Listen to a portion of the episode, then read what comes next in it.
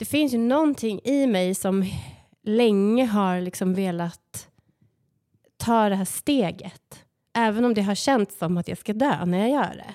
Alltså typ som Ronja som bara sa nu ska jag ut och akta mig för helvetskapet. Det är liksom, alltså det är vad det här har varit för mig.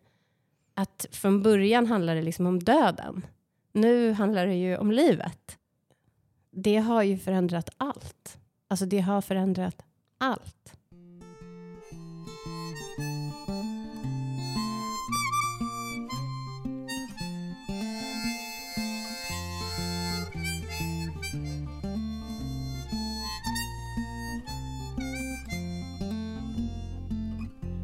Döden gick på gatan och livet sprang tätt intill.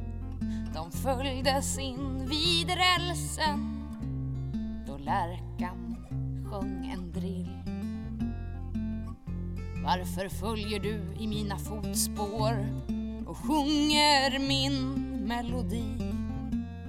Sa döden med tunga fotsteg som han gör han drar förbi. Han såg ledsamt på livet och sa vi måste skiljas här. Men en dag så ska vi mötas. Förlåt, men jag vet inte.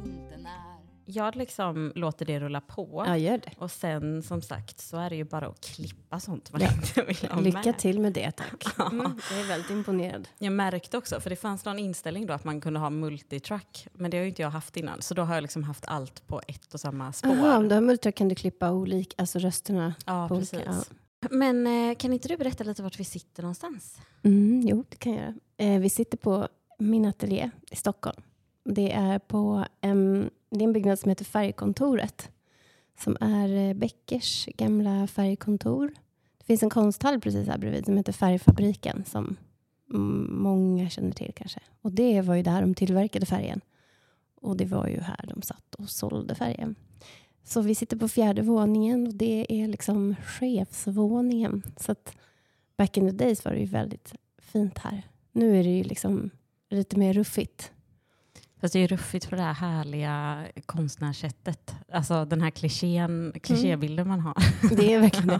Nej, men det är underbart här. Jag har min ateljé här. Så det är ett stort rum med fyra stora fönster. Och ehm, jag har fått studio här och så har jag min skrivare och mina datorer och kameror. Och, så jag har suttit här i ehm, mer än tio år. Mm. Känns det som att det är ett sånt ställe som du skulle ha svårt att slita dig ifrån? Ja, jag skulle aldrig kunna slita mig härifrån tror jag. Fast förr eller senare kommer jag bli tvungen. För att det är ett rivningskontrakt. Och det har ju varit det i mer än tio år. Så att eh, en vacker dag tar det här slut. Det här ligger ju liksom mitt i en av så Stockholms... Alltså, det här kallas ju för så Stockholms sista industriområde. Centrala industriområde. Eh, och det här ska ju gentrifieras och bli bostadsrätter, dyra, dyra bostadsrätter och härliga kaféer där man kan köpa dyr, dyr latte och så vidare. Så att, och då åker vi fotografer, konstnärer, grafiska former, manusförfattare, bla, bla, bla, alla som sitter här, 400 kreatörer i hela huset. Då åker vi ut med huvudet före. Men den dagen är inte idag. Vi sitter nog här några år till. Det Så att- brukar väl oftast vara så med rivningskontrakt, känns det som. Mm. Att det bara skjuts på och skjuts. Det är väl det som är fördelen med att allt tar lång tid. Alltså när man...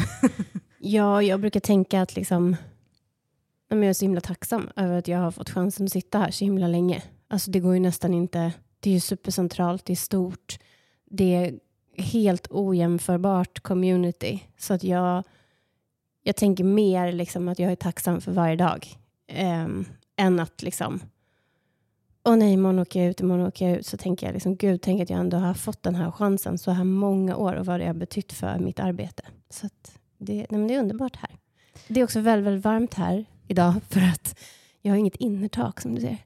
Eh, Men jag tycker faktiskt att det ändå var, alltså när man kom utifrån och grillades i solen så Ja. är jag ändå tacksam. Jag är ju inte bra i värme. nej, inte jag heller. Jag blir så svullen. Ja, nej, men jag med.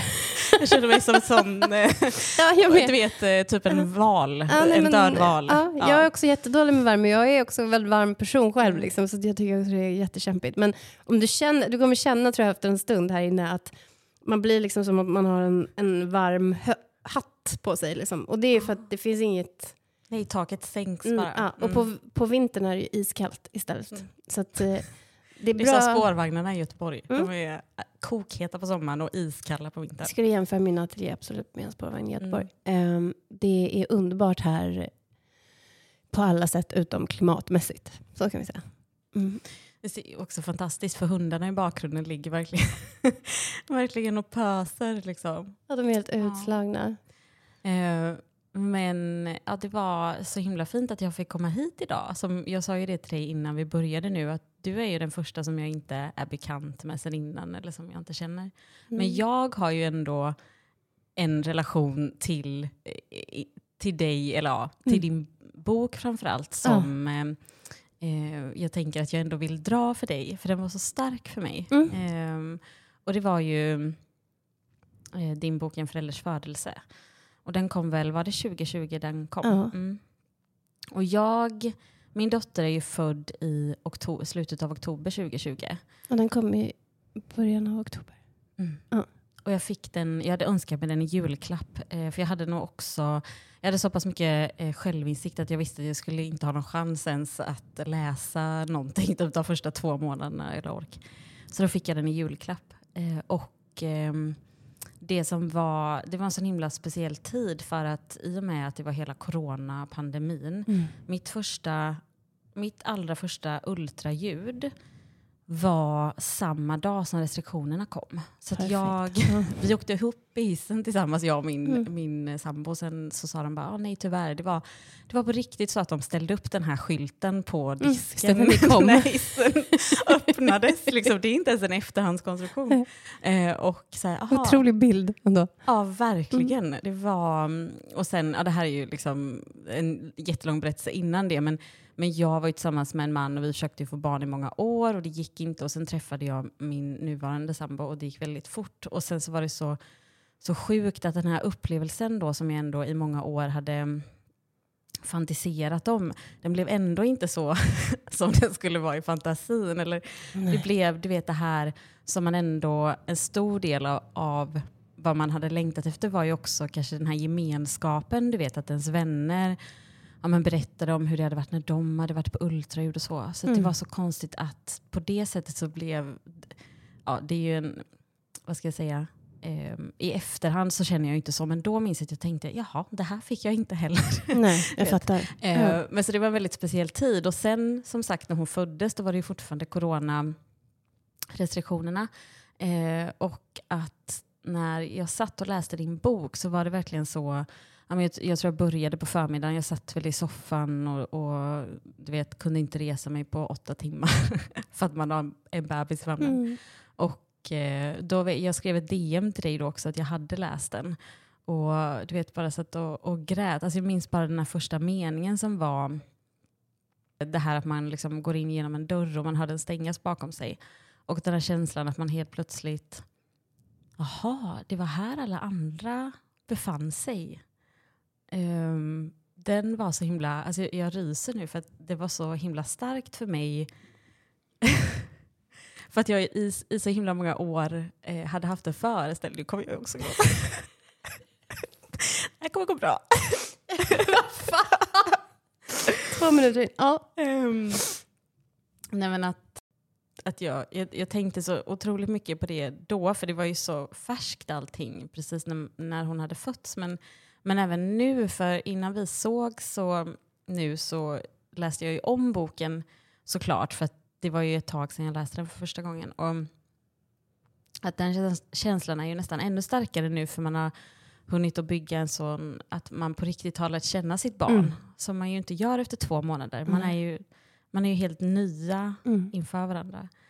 Mm, och eh, att det här var väl det är ingen fråga här då, utan bara ett sånt fangirl-brev eh, typ. Men, men det var så... um, det jag minns att jag tänkte så här...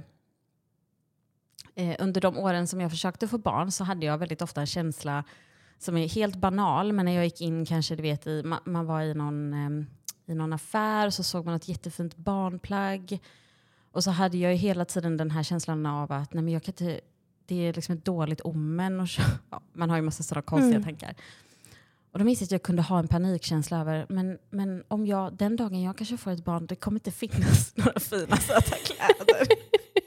typ som att så här, allt kommer vara slut, Ja. vet, allt kommer, ja, jätte, jättekonstig tanke. Men, men det som var så otroligt fint och stort var att jag kommer ihåg att när jag läste din bok, då var jag så otroligt tacksam över att jag inte hade, att det liksom bara föll sig så att den precis hade släppts när, jag hade, när hon hade kommit. Mm, den var till dig. Ja, det, det kändes så. ja. ehm, men så jag tänker, om du får jättegärna berätta lite om, även om det var ett tag sedan nu, din relation till, till boken Mm. och Mm. ja, hur du kände. Jag vill gärna berätta om den. Gud, jag blir så rörd. Det är fortfarande overkligt för mig att liksom, eh, den eh, påverkar människor. Alltså, någonstans så är det klart att man är medveten om det liksom, när man skriver en bok. Att den ska tas emot och att den kommer liksom och på något sätt så var det ju också därför jag skrev den. Alltså jag hade ju aldrig skrivit bara för byrålådan. Liksom. Det fanns ju hela tiden en mottagare. Men eh, det är ändå jäkligt overkligt att höra liksom, att den har betytt så mycket. Liksom. Jag blir liksom jätterörd ju. Ja, du ser det. Men, men det är också någonting att jag blir liksom... Om jag blir påverkad. Ja, men det här som du berättade om att det tog lång tid. Och, alltså alla de här tankarna, alla känslor, alla så konstiga labyrinter i ens hjärna som man går in i. Liksom. På något sätt är ju min bok en, eh, jag vet inte, en typ en hyllning för att försöka normalisera det. Eller i alla fall typ vara solidarisk mot andra. Att så här, de, alla de här känslorna finns här. Det, du kan, vi kanske inte har exakt samma känslor men det är liksom samma typ av känslor på något vis. Um, alltså när min son föddes då började jag ju skriva. Och sen så har jag tänkt i efterhand lite så här, men det kanske är typ en efterhandskonstruktion för jag kanske har skrivit innan. Och nu liksom har jag upptäckt lite att jag har det. Alltså jag skrev jättemycket när jag var barn. Men annars så har jag inte skrivit någonting. Så för mig har ju liksom skrivandet och språket och allting varit väldigt nära förknippat med de här superstarka känslorna som kom när jag blev förälder. Eh, och på något sätt så, jag tycker språket är en sån fin, liksom, eh, man kan använda det på ett så fint sätt. Liksom. Det är en sån fin budbärare, typ hur det faktiskt känns. Sen finns det ju en dimension av det som man inte ens kan sätta ord på. Liksom. Men min idé, eller på något sätt, eller idé, men min känsla när jag började skriva var ju just att jag skulle försöka skriva precis. Alltså att jag skulle skriva så här varje känsla. Även om den var både positiv och negativ samtidigt. Liksom. Och det är väl det jag typ ändå tror är styrkan med boken, att den är liksom ambivalent. Eh, men ändå vacker typ. Och det är väl liksom lite det som känslorna är liksom, inför att få barn. Men det som var så kul när du sa det här med att försöka liksom skriva precis. För det är ju något eh, stycke precis i början om då eh, när, eh, eh, när du föder eh, via kejsarsnitt. Mm. Och att det står att det känns typ som att någon, eh, det är några tä- tänder i magen. Eller, alltså, det är någon beskrivning som man verkligen fattar. En skinnväska. Ja, ja. Och typ, att man försöker öppna en skinnväska med, Med tänderna. tänderna. Och då har inte jag, jag gjorde inget kejsarsnitt, men Mm. jag kan verkligen, du vet, det är en sån, eh, man kan verkligen ta, Mm. jag fattar precis vad du menar Mm. och då har jag inte gått igenom det själv, Mm. men den känslan kan man ju verkligen för, alltså förstå. Ja. det är, du vet jag älskar när det är en sån, ehm, när, när det är en sån otippad bild, för Ja. jag tycker också att man blir lite, ehm, det är också det jag älskar med en text när man, man, va, man vaknar till. Alltså man Ja. får aldrig, eh, alltid tycker jag när folk skriver så, eh, på ett sätt som gör att man bara, men gud vänta lite, man får nästan gå tillbaka, Mm. var, det det jag tro, var det det jag läste, det jag tror att jag läste nu? Mm. Eh, att man blir lite... ehm, ehm, man får liksom inte en chans att att, eh, att slumra till om du förstår Ja. eh, mitt tänk. Eh, ja. Men det har varit viktigt för mig också, liksom att det finns ju... Alltså för mig har det varit viktigt att inte generalisera. Alltså för det finns otroligt mycket liksom kultur runt moderskap och barnafödande till exempel som är liksom så generaliserande. Och för mig var det så viktigt då att jag skulle skriva liksom precis för att det inte skulle bli överslätande. Eh, och till exempel, jag menar att folk liksom säger så här, ja det är ju tur att de är så söta för då känner man ju att allt är värt det typ. Alltså sådana där påståenden kan liksom få mig att bara liksom kräkas i munnen typ. För att jag känner ju det som att få ett barn eller att bli förälder eller liksom att det är så mycket, mycket större än det här liksom generaliserande, liksom lite så här godmodiga, eh, liksom peppiga. Det är så mycket så, så här peptalk och humor. Liksom. Det är så mycket så här, åh här står jag och har liksom eh, bajs upp till armbågarna. Och, alltså det, det, det är som, och att det saknades lite, tycker jag, liksom någon typ av så här sakralt allvar för att prata om det. För det var de enda känslorna som kom till mig. Liksom. Att det var så stort. Alltså existentiellt så otroligt stort. Alltså som att möta Gud. Liksom. Ja, hur hanter, att hantera det existentiella när, man, när det är det enda som man också har blivit kanske eh, liksom, att man inte har haft någon nyanserad bild innan. Ja. Utan att det ofta är det där. För att det, också, det lämnar ju hell, det liksom glappet mellan den där humorn och det som då kanske istället skulle vara nattsvart. ja. Det lämnar liksom inget utrymme heller Nej. att ens kunna få formulera det till någon. Eh, för att det är antingen det här liksom checka i, ja, men som du säger, liksom, oj här står jag med, med spya i håret Mm. Ja. och man har inte duschat på två veckor men, liksom, men det är tur att de är så söta som Mm. du sa. Att det är um, att den ensamheten som liksom skapas däremellan blir så himla mycket större också än vad den skulle behöva vara. Jo, att allvaret, liksom, att uttrycka allvaret i att uttrycka att man känner starka liksom, känslor av sorg eller övergivenhet eller rädsla eller skräck eller alltså vad det nu är liksom, eh, blir ju så starkt förknippat till att man blir rädd för att förmedla att man inte älskar sitt barn. Alltså det är ju liksom att om jag säger någonting negativt om hur den här upplevelsen är så eh, kanske någon tror att jag älskar mitt barn lite mindre än någon som är jättepositiv. Och, och där kände jag liksom att det fyller en sån himla viktig funktion att säga att liksom, du, man behöver inte önska sig liksom livsstilen att vara förälder för att vilja bli förälder. Det finns skäl som är så mycket större, alltså mycket mer existentiella liksom, ja, men, skäl som är på en liksom, humanistisk mänsklig nivå.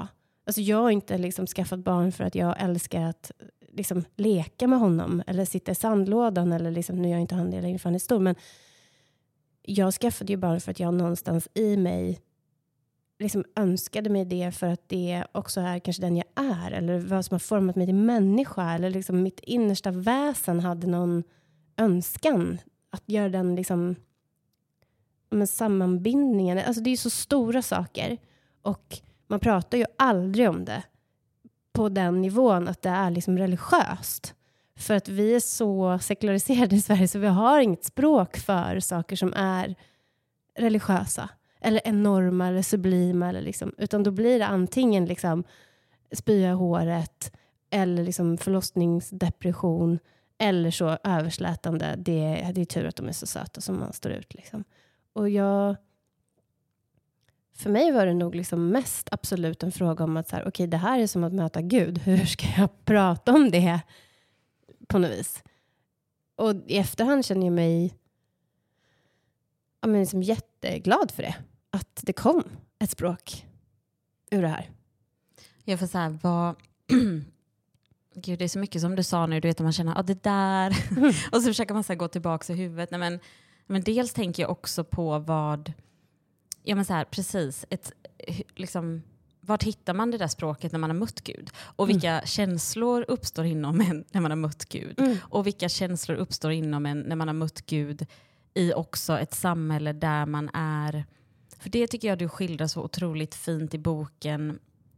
Just med de här nyanserna och ambivalensen. Mm. Den här känslan av att plötsligt drabbas av att okej, till exempel som det här med jämställdhet. Att ah, men det verkar ju jättepraktiskt liksom, att vi bara kan dela på det Ja, här. just det. För att det har vi också blivit Ja. lärda att Ja. bara man liksom har, suttit, har satt sig ner och haft ett samtal om Mm. vilka syssl- hur man ska dela upp det och att man ska ta varannan natt. Mm.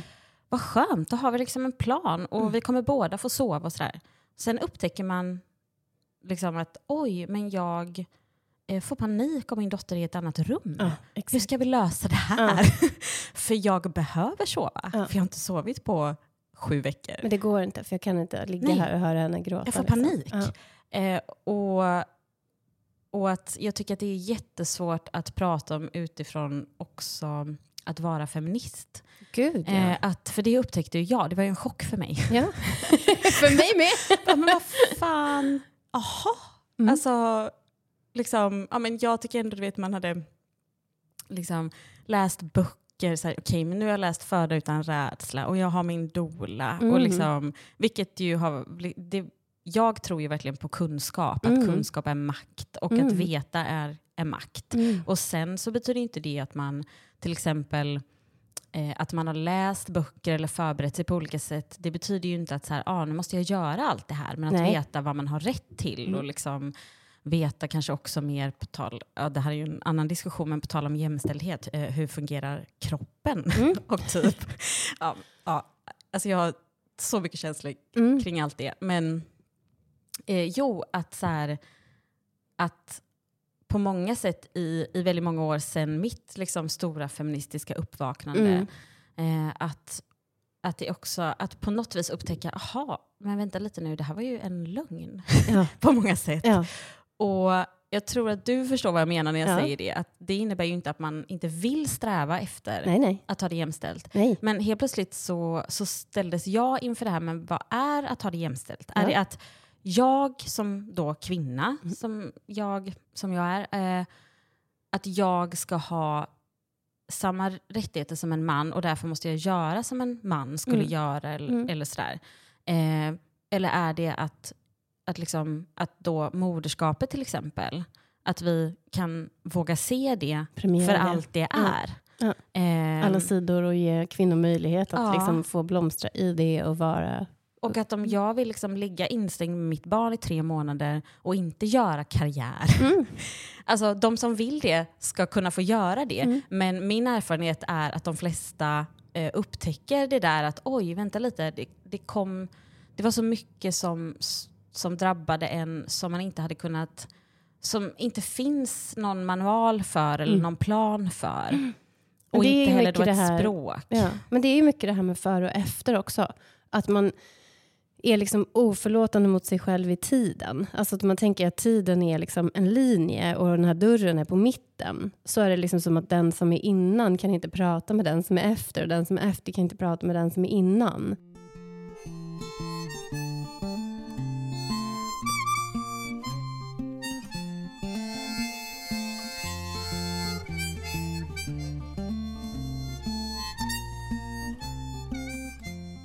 Och jag tror att jag är ett ganska bra liksom, exempel i praktiken på det här som du pratar om. För att jag hade ju en väldigt liksom, uttänkt feministisk plan som utgick både från liksom, vem jag är och min politiska övertygelse som jag har om jämställdhet. Men utgick också från rent praktiskt att så här, jag är här, jag är frilans, jag är en frilansfotograf, jag bor ihop med en annan frilansfotograf. Jag måste gå tillbaka till jobbet. Jag har varit gravid. Liksom. Jag kan inte vara borta från jobbet mer. Liksom, mina kunder, mina agenter, de väntar på att jag ska komma tillbaka. Eh, så jag bestämde ju mig för att jag inte ville amma. Och det var inte bara en politisk övertygelse faktiskt, utan det hade också lite med att göra att jag faktiskt inte... Alltså jag hade inga liksom, eh, varma känslor för amningen. Jag kände inte liksom, bekväm med den riktigt.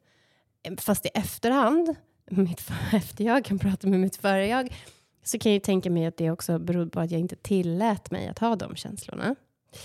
Men då bestämde jag ju mig för att jag ska inte amma och därför ska vi dela helt jämställt på varannan matning, varannan nattning. Vi ska dela 50-50 på föräldraledigheten. Alltså vi gjorde ju det liksom alltså på vecko och dagbasis. Liksom att jag liksom jobbade några dagar, så jobbade Erik några dagar, så jobbade vi en vecka, så jobbade jag en vecka. Alltså det var liksom... Och allt det här kan jag ju i efterhand säga var jättebra för min karriär. Jättebra för min ekonomi. Jag har ju typ aldrig haft så bra ekonomi som jag hade de två år som jag var liksom föräldraledig på 50 procent för att jag jobbade ju också jättemycket liksom på min... Ja. Eh, och sen eh, har det ju varit jättebra för Erik och Miguels liksom, enskilda relation. Men för mig, alltså rent psykiskt och hur min psykiska hälsa påverkades av det. Det hade inte jag överhuvudtaget liksom tagit med i den ekvationen. Jag hade aldrig ens liksom tänkt tanken att det skulle finnas en, ett, en annan utgångspunkt liksom, än den jag hade när jag bestämde det här. Och det är väl just det där liksom förjaget som sätter liksom reglerna för efterjaget. Och sen när efterjaget då ska liksom mitt efterjag kunde liksom inte svika mitt förjag. För det kändes som att jag svek liksom hela min politiska ideologiska övertygelse. Men jag kan ju säga så här, det blev säkert, och det har jag ju skrivit i boken också, så här, det blev säkert lättare på vissa sätt. Men, eller det blev, vissa saker blev ju bättre av det. Men det blev inte lättare att vara förälder. Och jag tror att jag trodde innan att jag hade liksom genomskådat systemet. Att jag hade tänkt liksom att om vi bara delar på det här. Alltså att jag hade gjort upp en plan som gjorde att det skulle bli liksom lättare. Men det blev ju på jätte, jättemånga sätt mycket, mycket svårare. För att jag förnekade ju mig själv så mycket i liksom relation till min son och min egen roll som mamma. Och det kan jag ju i efterhand, liksom, det är inte så att jag, tänk, att jag känner liksom en jättestor sorg över det nu. Men eh, alltså jag kan säga utan att känna att jag sviker min liksom feministiska eh, liksom ideologi, att om jag skulle göra om det, vilket jag antagligen inte tror att jag kommer att göra, eh, då skulle jag inte göra på samma sätt. Sen så liksom är ju det alltid svårt att säga i efterhand för jag är tacksam rent liksom karriärsmässigt till exempel, otroligt tacksam mot mig själv. För att jag har ett liksom, jättebra utgångsläge för min frilanskarriär nu. Men rent liksom när det kommer till att liksom slå på sig själv som liksom kvinna och mamma och också liksom människa och levande, kännande liksom varelse och kropp så var det ju att jag gjorde liksom våld på mig själv. Men det där tycker jag är så intressant för att i min värld så har det här varit väldigt polariserat. Att liksom antingen är man feminist och liksom då jobbar man och delar på föräldraledigheten si och liksom ammar kort för att man ska gå tillbaka till jobb. Alltså så. Eller så är man liksom någon så crazy hipp hippie typ, som bara vill amma i åtta år. liksom antivax. Nej, men alltså, nu, nu tar jag verkligen i här för att ni ska förstå skillnaderna. Liksom. Men att för mig har det varit som liksom två punkter på ett spektrum. Men nu har det, jag har ju lärt mig att det smälter samman, att det är inte så. Alltså det är absolut inte så. Och att samhället tjänar ju på att vi har de här föreställningarna om oss själva och varandra. Liksom. Och det tycker jag också är det är också intressant i relation till mitt nya projekt som jag håller på med, som vi kanske ska prata lite mer om sen, men som handlar om födslar. Att jag också haft jättemycket fördomar om liksom, hur kvinnor väljer att föda, att det speglar så mycket liksom, vilka de är politiskt eller ideologiskt. Liksom. Men det har jag också fått lära mig att det är helt fritt, liksom, helt oförutsägbart. Och, och det har verkligen varit ett sätt för mig att liksom dels förlåta mig själv och förstå att så här, okay, den här feministiska ideologin som jag hade och som jag också stöpte liksom, mitt föräldraskap och mitt liv och mitt partnerskap i, den har en kapitalistisk underton. Eller en kapi det är ett kapitalistiskt, en kapitalistisk idé om feminism som handlar om att man ska till, liksom, in i arbetslivet, man ska ha samma rättigheter som en man, man ska göra som en man. Men den här andra sidan som liksom man kanske kan prata om det som särartsfeminism eller liksom vad man vill, men att där finns det någonting som bejakar vad den födande kroppen och den födande själen i sammankoppling med barnet är. och det, eh, liksom, det känner jag i alla fall, liksom, min bok handlar ju om den resan och jag hoppas att jag på något sätt lyckas förmedla att det, är ett, att det var ett, är liksom i efterhand ett ambivalent val. Även om jag på många sätt liksom, tar det för vad det är idag. Så, så är, liksom, det finns inga... Det är inte liksom grattis, skit i att amma och dela liksom 50-50 så kommer allting bara... Det hoppas jag verkligen att min bok inte säger. Ja. Nej men det gör den inte. Nej. Mm. Nej men alltså, ja, när jag hör dig prata så känns det, du vet så här, var, varannan mening så då bygger det vidare i mitt huvud och så Mm. säger du en ny sak och då kommer liksom, Du får hoppa in, jag är så, jag kan, pr- jag är så snabb. men jag är likadan. så jag försöker liksom också på något vis bromsa mig i huvudet men, men om man ska, jag tycker en del av det är eh, så himla fint och sant. Det här som också som man kommer på sig själv med tycker jag att man och jag tror att man kommer kanske komma på sig själv med det i resten av livet men i olika kontexter. Att aha, vänta lite nu, jag kanske måste leva igenom någonting för att på riktigt veta något om ja, det. ja. Ja. Eh, Mm. För jag kan verkligen känna igen mig i det här med att om man bara har en strategi eller en plan, Mm. det här med att kunna lura systemet. Mm. Alltså jag trodde ju jättelänge till exempel när jag gick ehm, eh, när jag under de åren när jag försökte få barn så gick jag hos en, hos en kurator som var specialiserad på ofrivillig barnlöshet. Mm. Och då tyckte jag så här, men jag är ju expert på vad som händer när jag får ett missfall. Så jag kan ju bara tänka att jag inte behöver du vet, ja, men jag vet hur sorgeprocessen ser ut. Att först kommer liksom den här perioden av chock eh, och jag kommer liksom inte göra någonting som jag brukar göra. Mm. Eh, och sen så kommer den där andra fasen och tredje fasen och sådär. Mm. Så då vet jag att jag varje gång tänkte så här, men jag vet ju det nu. Jag Mm. vet att, Så jag kommer inte bli så ledsen. nej eller kanske mer att om jag bara gör ändå. Du Mm. vet så här att jag vet att det vanliga var kanske till exempel att ja, eh, om, om en IVF-behandling inte funkade så visste jag så här, okej nu kanske det kommer vara två veckor då jag inte klarar av att göra typ det jag brukar göra. Du vet, kanske gå och träna eller träffa någon vän eller Mm. vad som helst. Och då vet jag att jag tänkte så många gånger, men jag, om jag, jag vet ju nu att det är det här som händer. Så då kan jag bara liksom göra det ändå. Men sen inser man ju att det är någonting i kroppen. Mm, alltså det är en. Det kroppslig finns en upplevelse. Ja. som man liksom inte kan lura. Nej. Och att det känns som att vi människor är, em, vi är så vana vid att eh, antingen så kan vi liksom tänka oss ur det. Ja, huvudet så här, bestämmer. Ja, Mm. huvudet bestämmer. Mm. Och allt det här som händer nedanför huvudet, det är ju liksom bara sekundärt. Mm. Eh, så. Och, och också tror jag att vi är vana Alltså typ, har man pengar då kan man köpa sig ut ur ett problem. Mm. Vad det, är. Alltså att vi, Mm. det finns alltid något sätt att liksom kringgå något. Mm. Och att det slår en så hårt då när man inser, ja ah, vänta lite nu, eh, det stämmer inte. Men jag, men jag kan också tycka att det finns något väldigt, eh, när man klarar av att bejaka det så finns det ju något väldigt stort och vackert i det tycker jag. Att man, man lär sig att komma närmare sig själv. Om man ska prata Mm. om en existentiell upplevelse till Mm. exempel. Och, det, och det här med amning. Jag hade ju det att jag eh, liksom, tyckte ändå att jag hade en, en sund inställning. Mm. Vad nu en sund Mm. inställning är. Men, ja, men det här att jag tänkte att ja, men jag, jag vill gärna amma om Mm. det fungerar. Jag vill liksom ändå ge mig själv förutsättningarna för det. Men om det hade inte ändå, går så är det okej. Ja, Mm. och, och då är det jätteskönt att det finns ersättning och så. Mm. Och sen så, min dotter, det tog väldigt lång tid, eller hon, hon gick inte upp i vikt, hon var ganska liten när hon Mm. föddes. Så jag menar, det var inget alarmerande såklart, för då hade ju BVC sagt nej men nu måste ni ge ersättning. Mm. Sådär.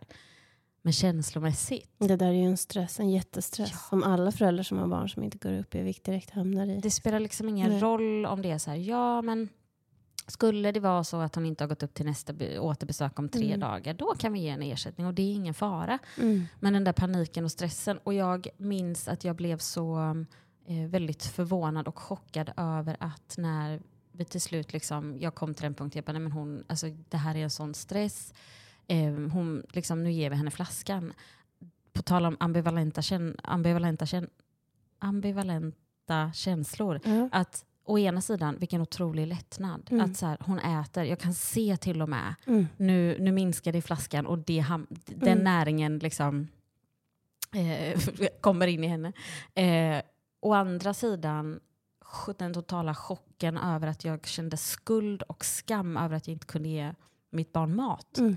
Och återigen, det tänker jag att vi, vi lever i ett samhälle där, vi, där det är väldigt svårt att existera i de känslorna för att man också har blivit tillsagd men det är ju jättebra, nu kan du, du kan lägga dig och sova. Men det är och den andra eller hela tiden. ja det är antingen Mm. eller, men två saker kan vara sant på samma gång. Men det är ett väldigt polariserande språk också, typ i sociala medier till exempel.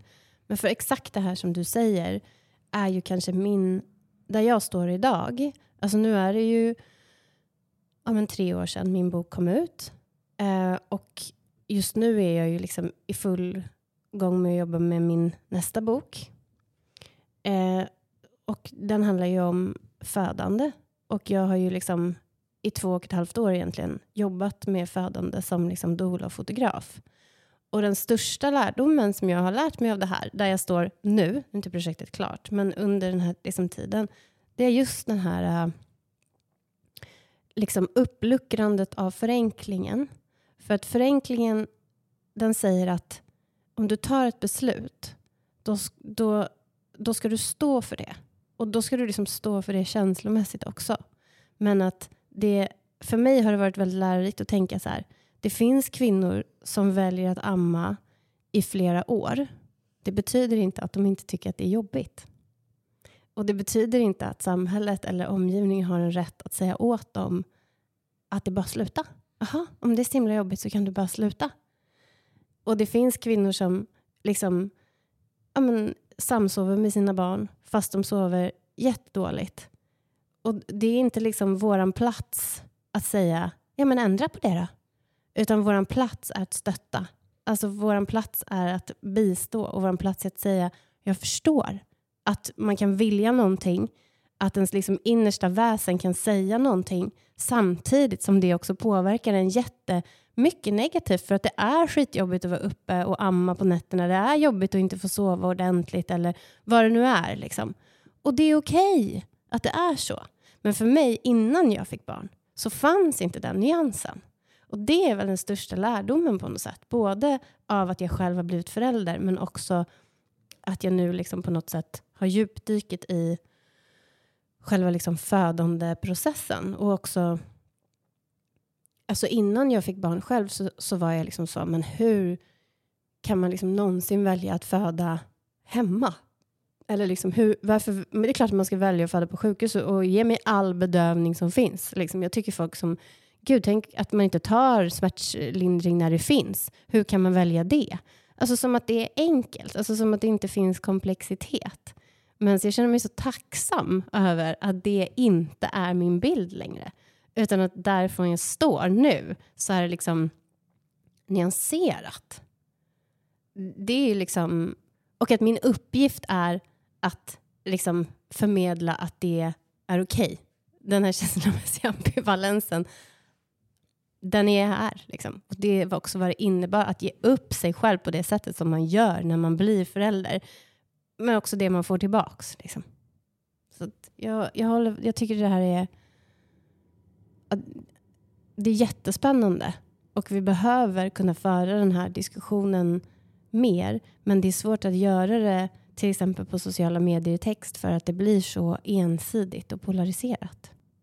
Jag tänker att det är ett väldigt, eh, och, och det här kan låta som ett förminskande ord, men jag menar det på det bästa sättet. Men just därför tänker jag att det är ett sånt eh, modigt projekt att gå in i. För min bild i alla fall av det är att, att få det förtroendet, att, Mm. vara, att vara med när ett barn föds.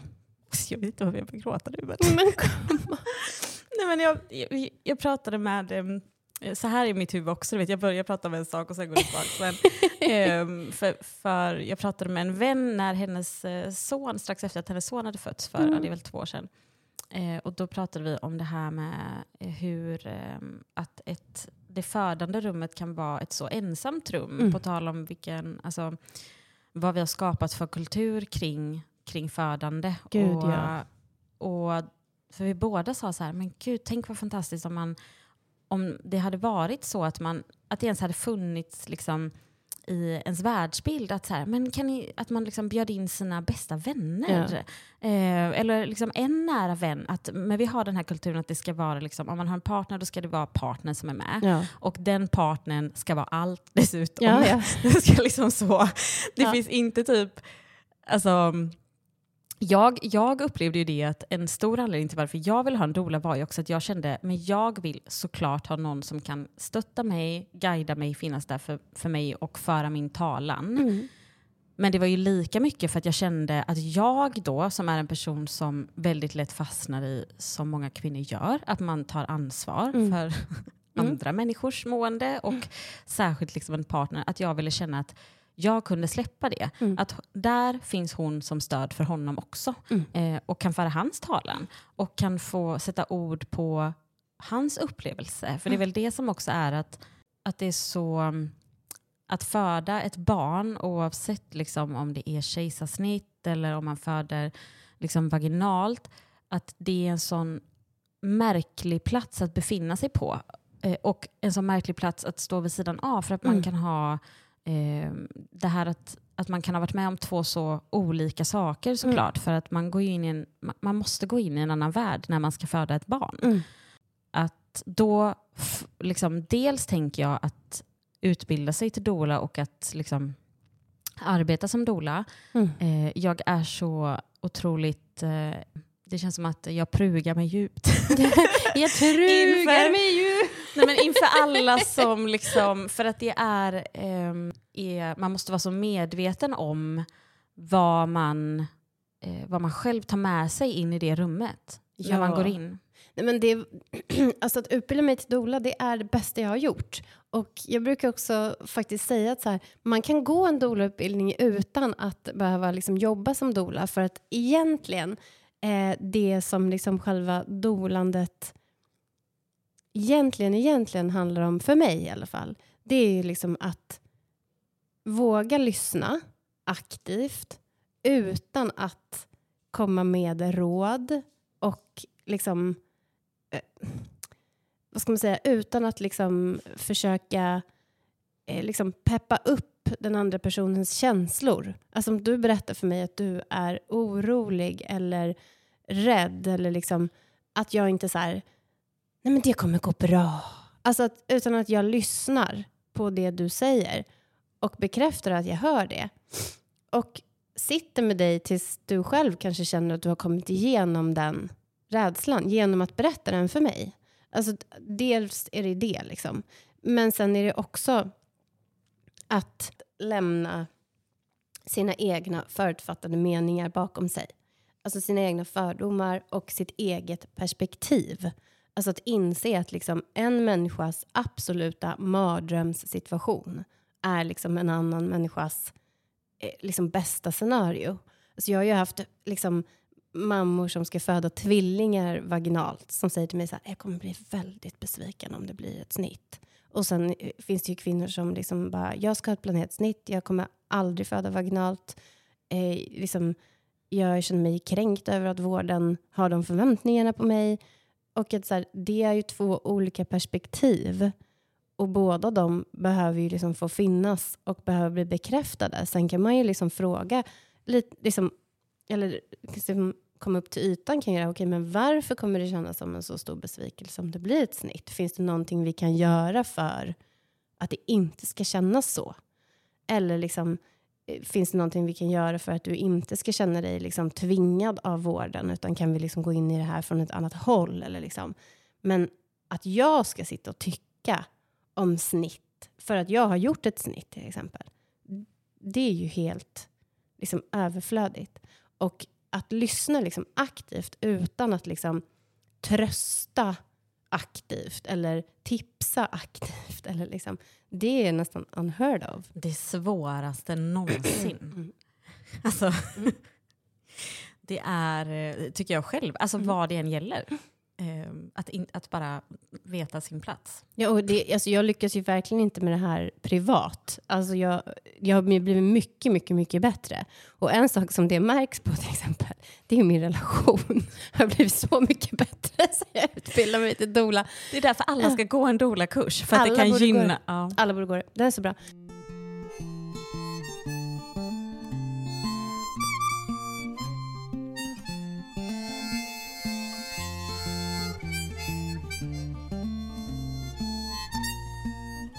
Alltså när jag började det här projektet så hade jag ju absolut ingen tanke på att utbilda mig till doula. Eh, och det, det hade liksom ingen tanke på heller att projektet på något sätt skulle påverkas av det faktum att jag gjorde det. Eller liksom. Utan jag gjorde det för att när jag hade varit med på ett par förlossningar så blev det väldigt övermäktigt. För att det var så otroligt starka upplevelser.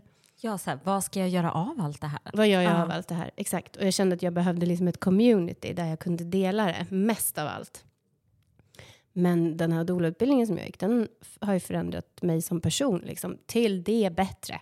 Det var, du började med projektet före du utbildade dig till doula. Mm. De, här, de här födslarna som du var med på då, innan Mm. du blev doula, Mm. var det eh, vänner till dig då? Som, Nej. eh, Eller hur kom det sig att du var med på dem?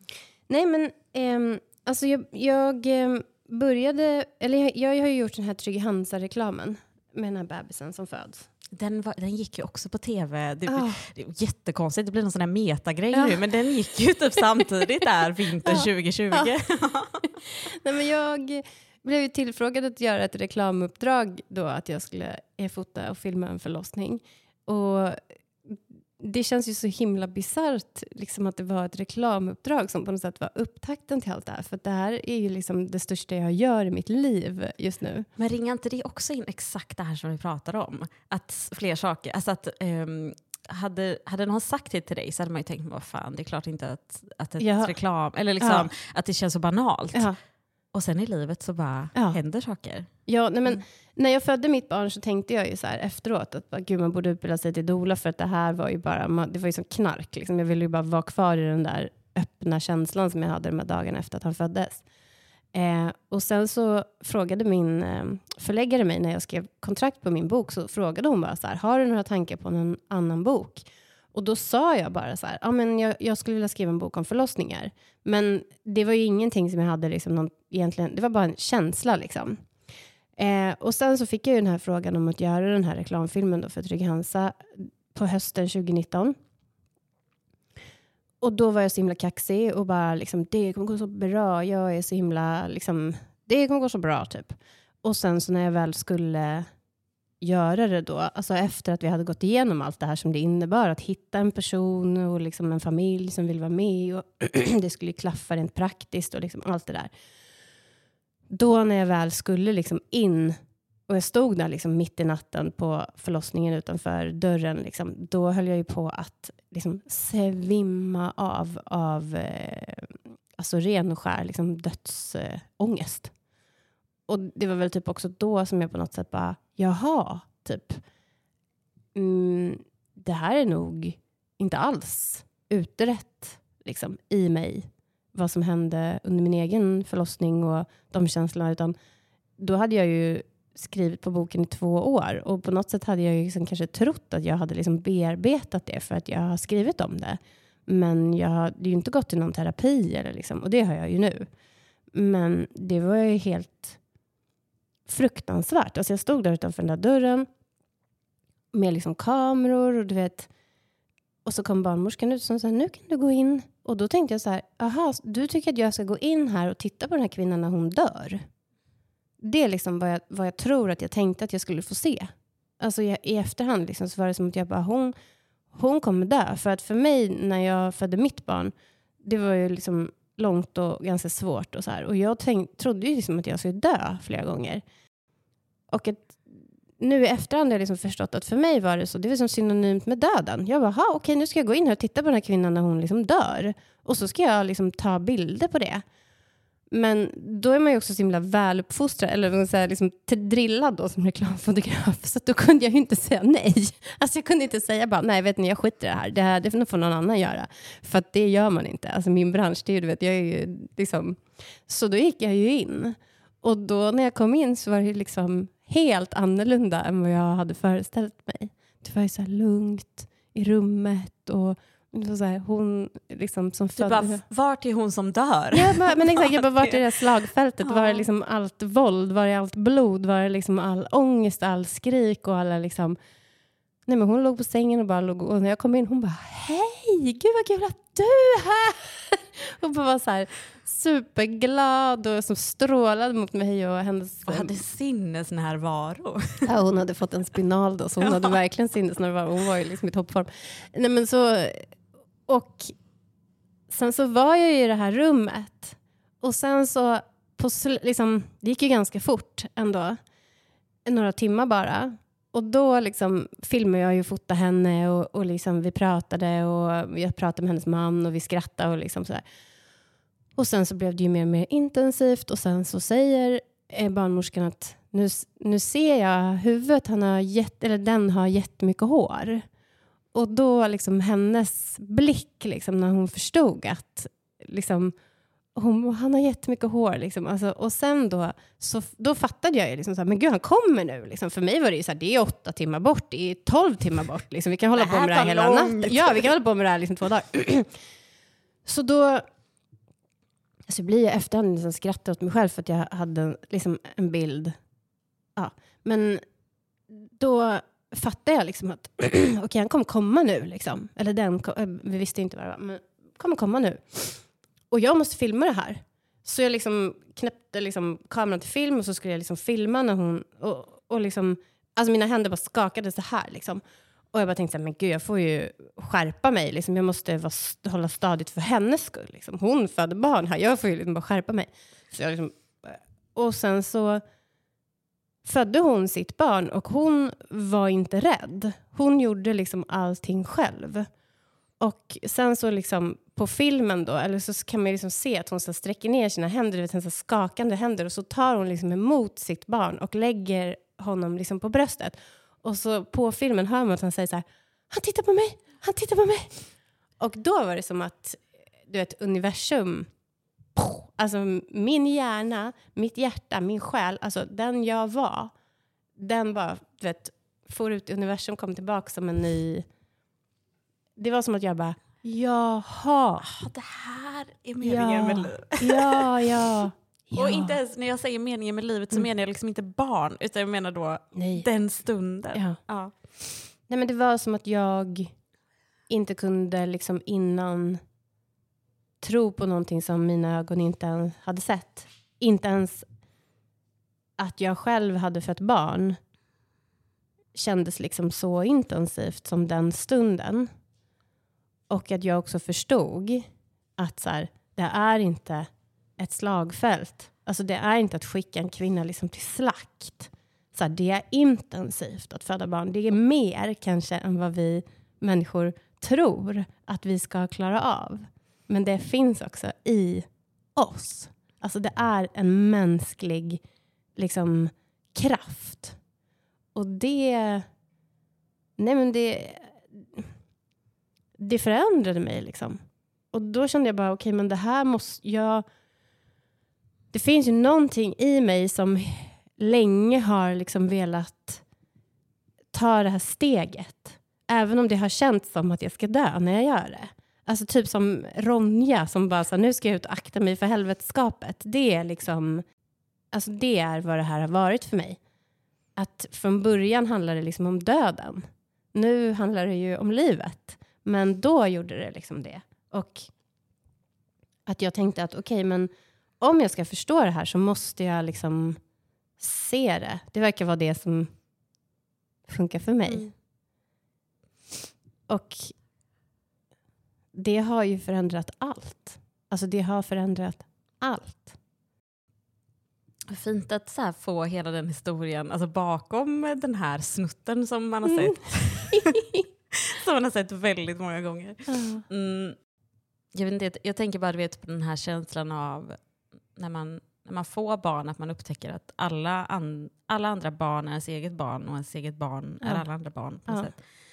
Och det här att, att ens för, alltså, en annan kvinnas förlossning, att det är oundvikligt att inte liksom själv gå in i sin egen förlossning. Alltså att vi Mm. alla, även om de Mm. upplevelserna kan vara så, som du säger, det här som är fantastiskt en, Mm. ändå att samma, eh, samma situation eller samma Liksom det värsta tänkbara scenariot för någon är liksom det bästa tänkbara för någon annan. Det är väldigt intressant. Ja. Ehm, jag kan ju verkligen förstå den där känslan av, den där, som, som du sa, att det var knark. Att, Ja, gud. att så här, Ja. hur, kan man, eh, liksom, hur, kan man stanna, hur kan man stanna i den här känslan och, och samtidigt så vet man att skulle man stanna i den här känslan jämt så skulle man liksom dö av den. Alltså Mm. man, man skulle aldrig få någonting gjort.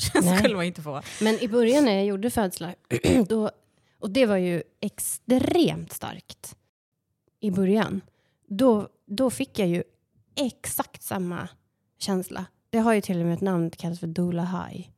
Ehm, och nu har, har det liksom... ehm, nu har jag inte de starka känslorna längre på det sättet. Alltså det, det är inte det att jag inte känner starka känslor för att det är underbart och att jag blir liksom så uppfylld och glad eh, när människor får möta sina barn.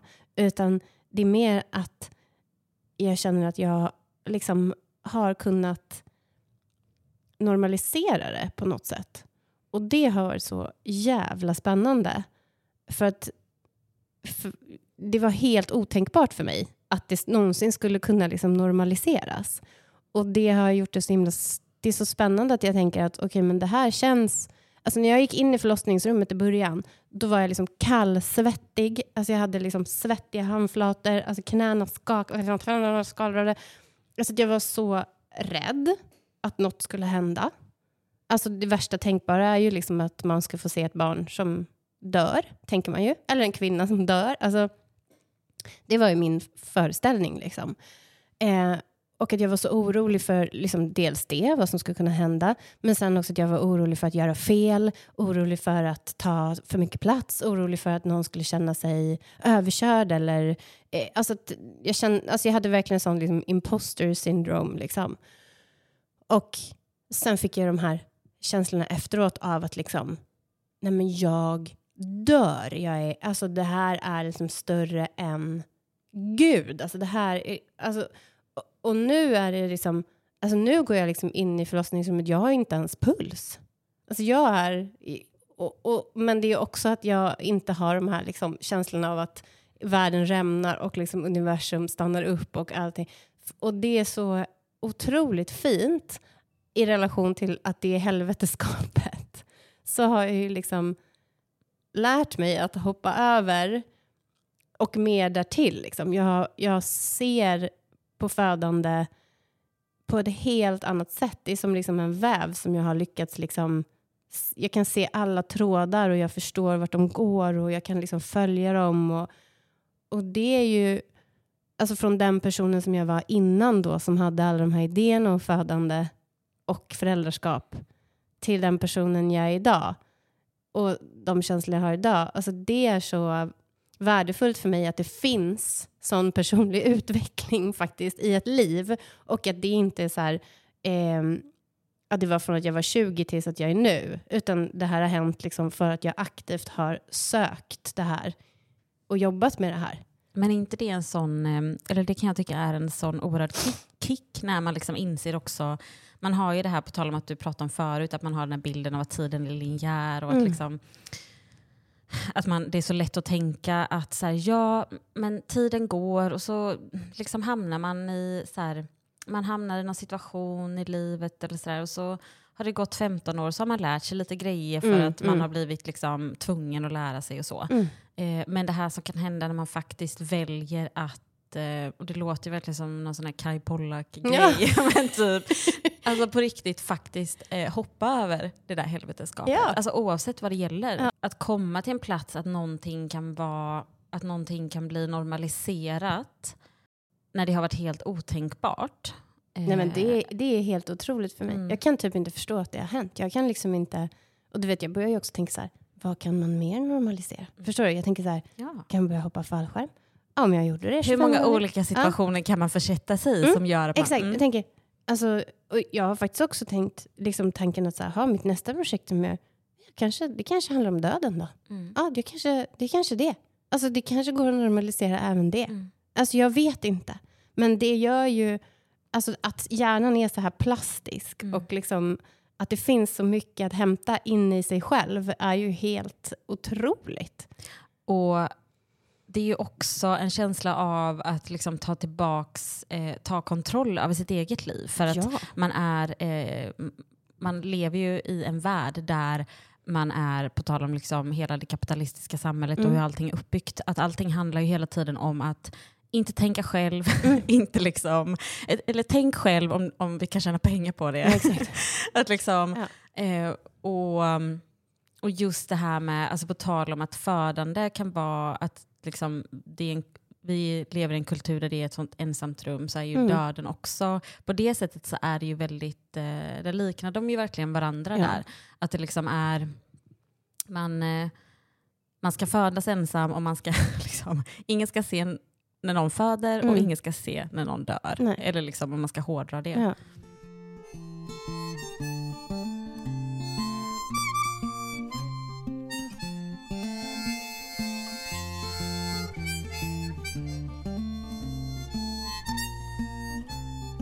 Jag är en otroligt ängslig person eh, liksom generellt Mm. eh, vad gäller typ allt. Mm. Alltså så. Och eh, mitt helveteskap tycker jag är att liksom varje dag eh, säga till mig själv, men eh, man dör inte av att ringa ett telefonsamtal. Ja, så får jag göra det. Nej, men liksom, ja, jag att, fattar. att det kan, ja. alltså sådana små saker. Ja. För jag tänkte på det också när jag läste om en förälders födelse så, så var det, jag, jag har typ aldrig relaterat mer just nu där jag befinner mig i mitt liv, där jag, på tal om att det kan hända så mycket på så kort tid, om Mm. man faktiskt aktivt också, om, om man väljer att stå i livet. För Mm. jag tycker att det är mycket det det handlar om. Att ehm, jag hade ju, eh, för att liksom dra det väldigt kort, så Mm. när jag skilde mig så träffade jag ju då min sambo väldigt fort och vi Mm. kände ju typ inte varandra när jag blev gravid. Mm. Och där var jag ju också på en plats där jag var, okej men alltså jag kan ju inte, alltså vad, jaha. Alltså Mm. jag var tvungen att, på tal om Kaj Pollak, Mm. välja livet. Jag kunde inte låta bli. Choose life, Ja. choose a career. Nej men och där, alltså, där kan man ju också prata om, på tal om liksom, olika eh, motstridiga känslor, att, att jag tänkte så här, vad ska alla andra tänka? Mm. Jag har precis kommit ut ur liksom en åttaårig relation. Eh, Nej, men jag får göra bort för alla andras skull. Ja. Jag Gud, kan nej, inte, jag, jag, ska ja. jag behöva stå för det här? Ja, jag kan verkligen relatera till den Eh, tanken. Ja. Jättesjuk tanke. Ja. När man har när- kämpat så länge för att få barn. För det, för det var ju också alla de här tankarna om att, att liksom, jag kan inte göra det här mot, mot min exman. Nej. Jag, jag kan inte, jag kan inte liksom ens säga, hur ska jag berätta det? Alltså, Jag så. fattar det. Ja. Ehm, och då var jag, liksom, det kändes som att det var, min, min första sån var att jag var tvungen att, att aktivt, liksom, att inte längre vara på något vis en passagerare i mitt eget liv, var när jag insåg att jag var tvungen att skilja mig. Mm. Det hade ju varit på ett sätt lätt bara att försöka för, ignorera den känslan. Mm. Det, gör man väl, det gjorde jag väl länge också liksom innan. Ja, och sen så fick jag aktivt välja såklart att men det är väl klart att jag inte kan göra en abort. Nej. Så det är väl bara mina mörkaste tankar som, som ja, mitt eget, att behöva ta ansvar. Liksom. Mm. Och sen tycker jag bara att det, det var någon, ja jag vet inte, det känns lite som att hela den där perioden var en katalysator för att jag också kom fram till att, aha men jag kan inte heller, alltså jag har sett mig själv som en skrivande person hela mitt liv men det är inte så att någon kommer ringa upp mig och be mig släppa en bok. Liksom. Nej. Eh, aha, då, måste man, då verkar det som att man aktivt måste Mm. göra det arbetet. Nej, men du vet alla sådana saker. Aha, och sen måste man aktivt liksom, eh, eh, prata i en intervju fastän man känner att man bara har ångest och PMS innan. Nej, men, Mm. att jag tycker liksom alla de där sakerna och då för att komma tillbaka till det här som jag tyckte var så otroligt relaterbart som stod i en förälders födelse så var det, du skriver någonting om att du har en flykt inom dig eller i dig. Ja, ja. Och det här att ja, men jag vet hur jag vet hur jag ska göra alla de här sakerna och det går bra att göra men typ så här, åh, men jag, det här att man också samtidigt ska diska och så här, Mm. alla sådana saker. Mm. Jag, jag känner ju verkligen att jag eh, är på den platsen väldigt mycket nu. Mm. Och på tal om de här känslorna som du sa när du gick tillbaks till att, till att arbeta och Mm. när ni delade på, på föräldraledigheten och så, att mitt, min dotter är ju två och ett halvt. Hon är ju liksom inte ett halvår eller, eller ett år, men som nu är två månader så känns det som att det har varit, att jag har ju varit ganska mycket mer frånvarande än vad jag skulle vilja vara. Mm. Men att jag ju förstår att det också har krävts av mig. Mm. Ehm, och att på ett annat sätt så har jag ju såklart gjort saker jag tyckt varit kul och som jag är stolt över. Mm. Men det har ju ett pris. Ja, det Och det är. ju att varje gång som jag väljer att göra något annat så tackar jag nej till min familj. Mm. Hur mycket jag än behöver det. Mm. Och jag visste ju inte innan jag gick igenom den där dörren, så när man har alla de här föreställningarna om hur det ska vara, och, då tänkte jag ju så här att ja men, men jag menar Ju- om man vet att man kommer hem dagen efter och ska vara hemma i två dagar, och man vet att den andra föräldern, alltså ens barn har det jättebra, det handlar Ja, inte om det. Mm. Men jag visste inte att det fanns en känsla som var att man kunde känna sig halv Mm. utan att vara i ett aktivt saknande, Mm. om du förstår Ja, min tanke. Jag känner mig alltid lite halv när jag inte är med min familj. Mm. Men det handlar inte om att jag längtar hem hela tiden. Nej. Eller att du inte vill vara där du är. Nej. liksom. Nej. Men jag tror att det finns säkert många som skulle lyssna på det här och som skulle liksom säga så här, men gud, fattade inte de här tjejerna det innan? Liksom. Eh, men jag kan liksom med stolthet bära det hundhuvudet och säga att nej, men jag fattade inte det. Alltså, jag har ju hela mitt liv, alltså, så länge jag kan minnas, liksom, haft en dröm och det är att vara fotograf. Det har varit liksom hela min identitet, hela min övertygelse, allting. Liksom. Och sen har den liksom, yrkesrollen utvecklats till liksom, kreatör på många sätt. Alltså, jag, gör jättemånga olika, jag har många olika liksom, kreativa uttryck. Och de är liksom allt. De är, de är den jag är. Liksom. De är det viktigaste för mig. Och jag kunde inte i min vildaste fantasi föreställa mig att det inte skulle liksom, kännas på samma sätt efteråt. Vi åkte, jag åkte ju till LA med min bästis precis innan pandemin. Mm. Och då... Jag hade ju rest bort från Miguel liksom flera gånger innan. Men då när vi skulle åka så långt, då fick jag plötsligt sån... Alltså jag har inte några katastroftankar eller är inte en ängslig person alls. Men då fick jag det. Alltså jag blev helt eh, rabiat. Och då... Jag, dels blev jag så förvånad själv. Mm, men då hade jag ju väldigt bra stöd från min bästis. För hon var så, okej men nu känner du så här, men okej vad kan vi göra liksom för att på något sätt ändå göra det bästa av den här situationen? Så då hjälpte hon mig liksom att kolla upp så här, ja, men, om vi är i Joshua Tree och det händer någonting här hemma, hur lång tid tar det då att komma hem till exempel? Så vi räknade ut, liksom, om vi kör från Joshua Tree till LAX och sen så om man köper första flyget hem, då kanske det går, si så, och så tar det så många timmar hem och sen är det så. Alltså, att jag liksom ändå kunde så här, räkna ut då att okej, om någonting händer honom så kommer jag kunna vara i Sverige inom ett dygn. Liksom. Um, och att så här, på en liksom, teoretisk nivå man ska säga, så förstår jag ju att så här, det kommer inte hända honom någonting och han har det jättebra och Erik liksom, sköter det här och det är lugnt. Men jag blev mest av allt av de här känslorna så blev jag liksom så tagen på sängen för att jag inte alls förstod att det skulle komma. Liksom. Och ja, det kanske liksom säljer mig. Jag, men jag, som, alltså, som, som jag känner mig själv från innan så, så var inte det liksom ett, ett issue för mig. Då hade jag tänkt liksom, ja, nej, men han är med sin pappa och det är toppen. Liksom. Men det förändrar en. Liksom, och det, jag tänker att det är där, det som är liksom den springande punkten på något sätt att prata om. Att så här, det förändrar en. Mm, man, man blir så mycket mer nyanserad och ambivalent men också djup som människa. Och det är så himla himla fint. Typ hoppas att vi kan så här, hjälpa varandra att ge det utrymmet att få vara de nyanserade, ambivalenta, liksom skogstokiga personerna som man blir. För att det finns så mycket mer inom oss liksom, än vad vi tror. Alltså vi är så låsta ju i liksom, den här miljön som vi lever i. Liksom. Vi är så ovana vid att dela med de här liksom, mycket mer existentiella nivåerna av oss själva. Och det jag... Men jag älskar det. Jag känner alltså mening med livet nu. Också när jag står mitt i det här liksom födande.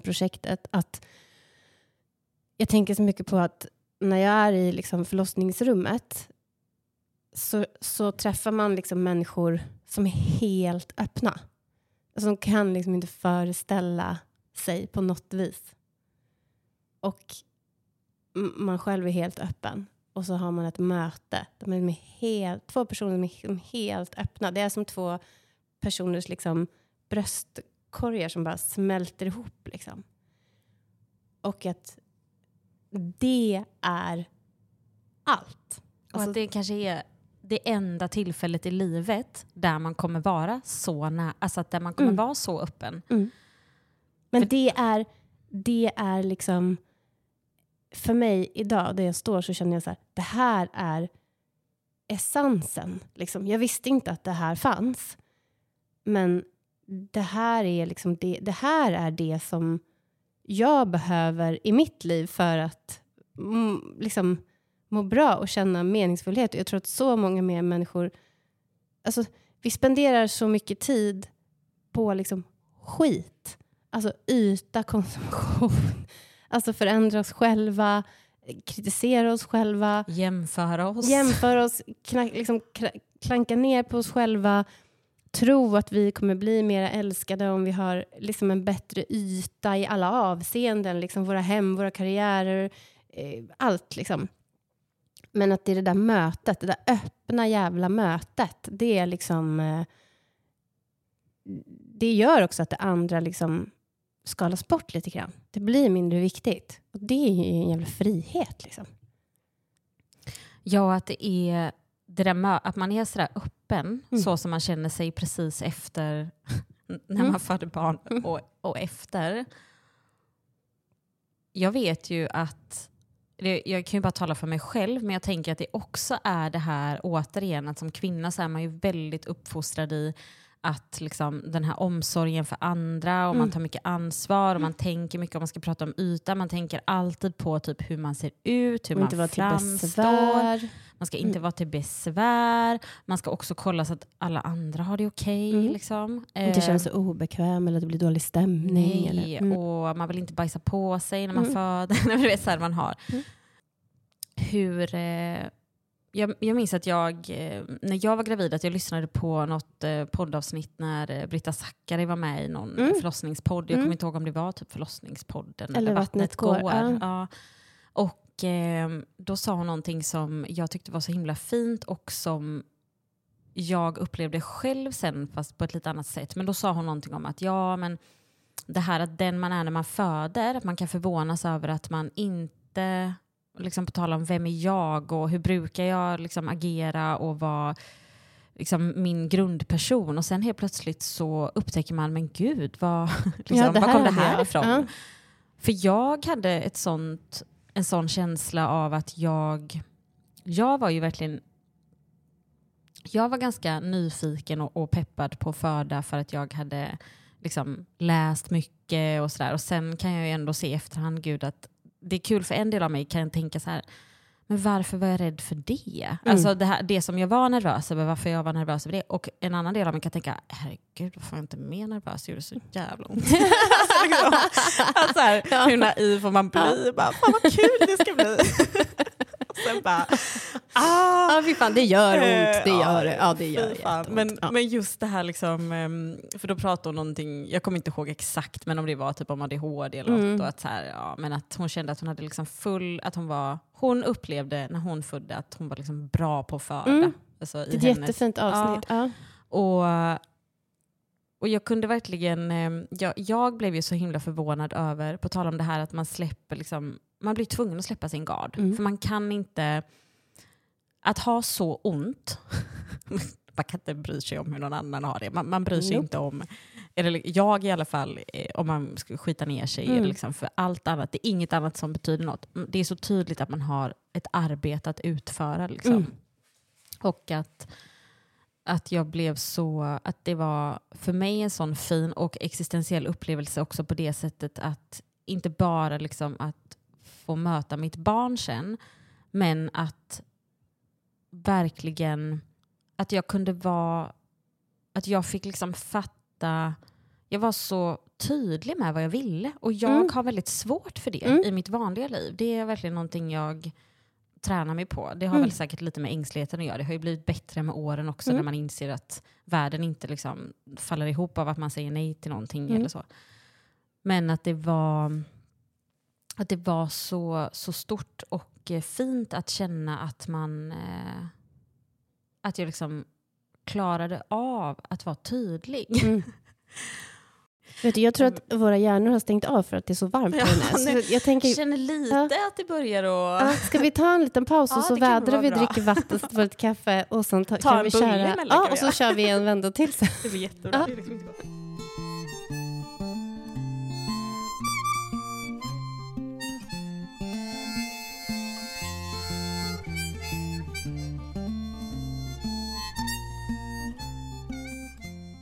Saker som man kan ha komplex över. Jag, det här är jättebra KBT för mig. Mm. För att eh, jag tycker alltid att det är så jobbigt att höra min egen röst. Jag har alltid ja, ja. Mm. velat ha någon sån här, du vet, eh, typ, norr, alltså, typ norrländsk dialekt eller du vet. Alltså något som bara inte är göteborgska.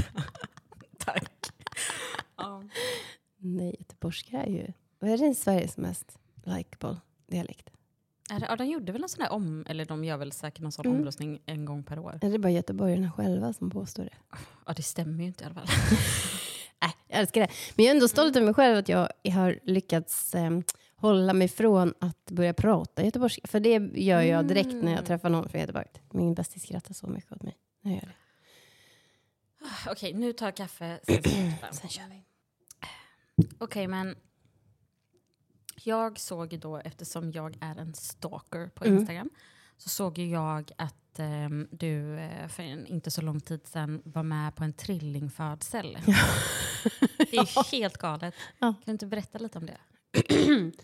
Eh, jag kan berätta lite kort eh, om det. det jag eh, åkte till Karlstad. För på Karlstad BB så hade de en kvinna som var inlagd för för tidig vattenavgång som var gravid med trillingar. Och eh, hon skulle ju genomgå ett kejsarsnitt då. Och då så blev jag inbjuden att vara med. Och det var ju en helt... Eh, det var så himla fint på så många sätt. Eh, jag har ju försökt liksom jobba jättehårt för att det ska bli så inkluderande som möjligt i mitt projekt.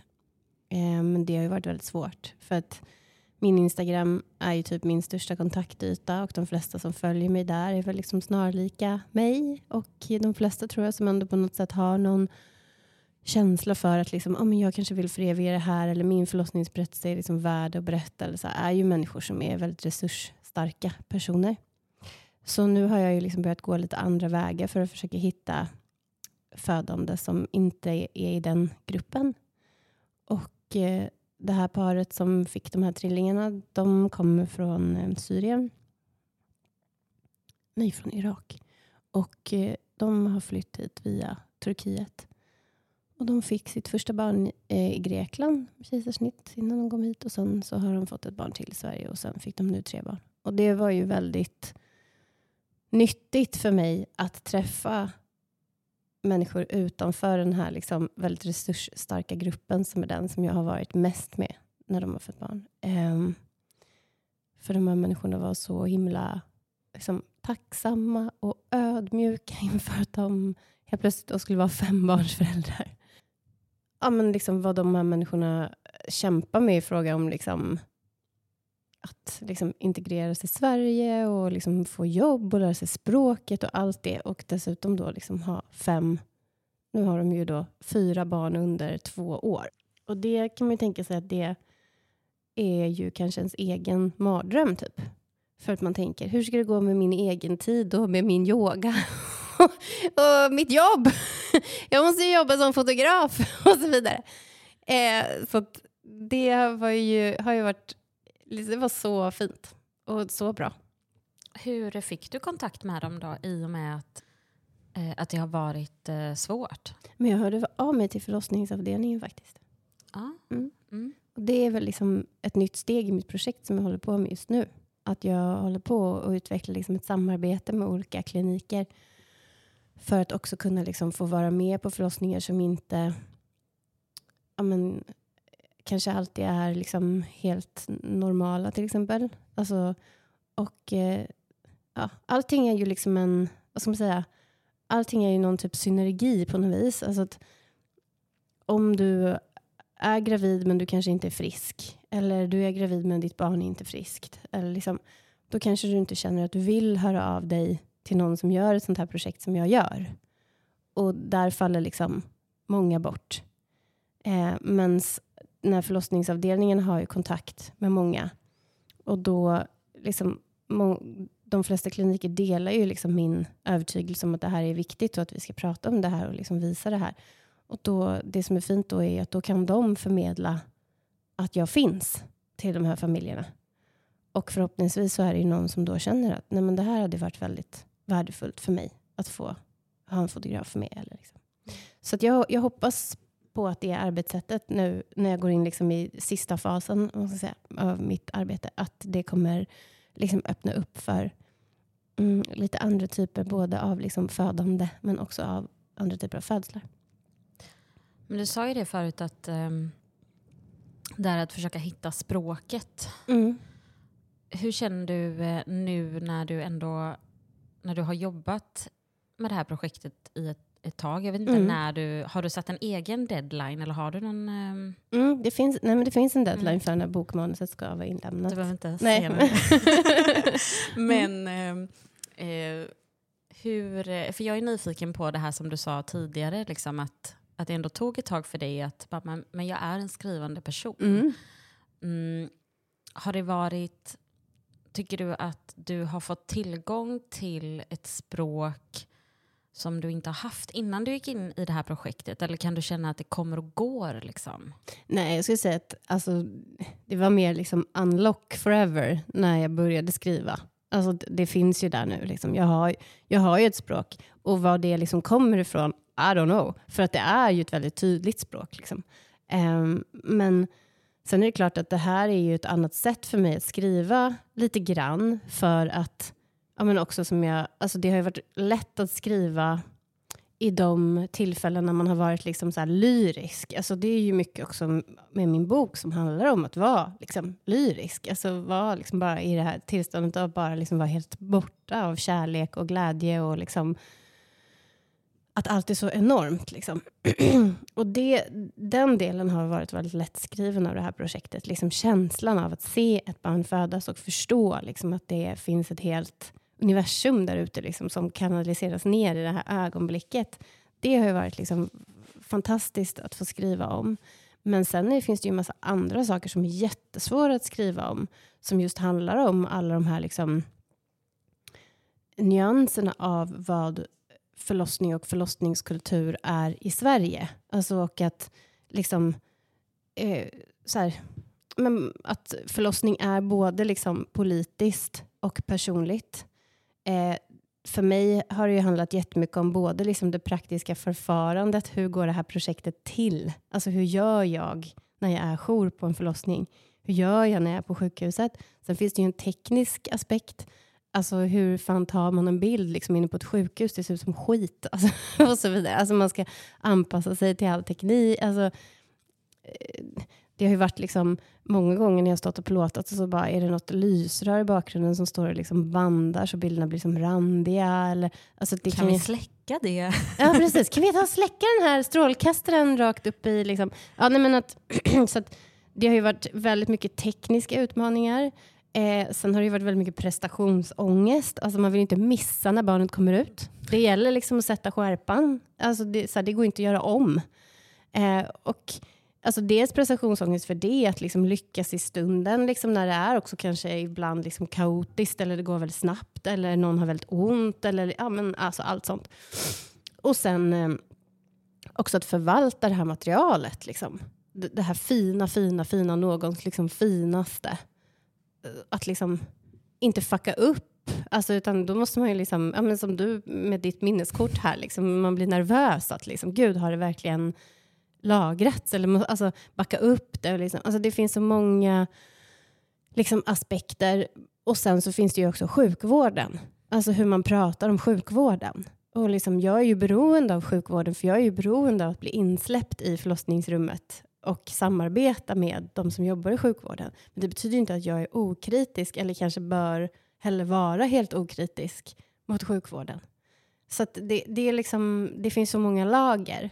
Det är klart att där är det ju fortfarande ett famlande. Men jag skulle inte säga att det kanske är ett famlande i språket. Utan det är mer ett famlande i liksom strukturen. Mm. Och det, det som är skönt när man skriver en bok är att man har en förläggare och en redaktör. Eller jag har det i alla fall. Och det är jätte, jätte härligt. Ja, det upptäckte jag att det var, det var så kul att alla de böckerna som jag har älskat, liksom, du vet man har ju vissa som man alltid återkommer till. Och, Mm. och det är väl klart att jag inte är dum i huvudet. Jag förstår ju också så här att det inte bara är att någon har satt sig och flödeskrivit och sen är det det som man läser. Mm. Men det var väldigt, eh, jag tycker det är väldigt eh, fascinerande att, bara, aha, för jag sa det till min redaktör, men varför står inte, varför står inte redaktören med i eh, den... vad Mm, I säger man? boken. Ja, Mm. precis inne i boken. Mm. Ehm, för jag menar, det står ju ändå så här, vem, vem har skrivit texten, vem har gjort omslaget, varför står inte redaktören? För redaktören gör ju ett jätte, om det är en bra redaktör tänker jag, Mm. ett gediget arbete. Man gör ju det tillsammans. Mm. Min bok hade ju inte varit det den liksom var om inte jag hade haft den redaktören jag hade. Eh, vad var det jag skulle säga?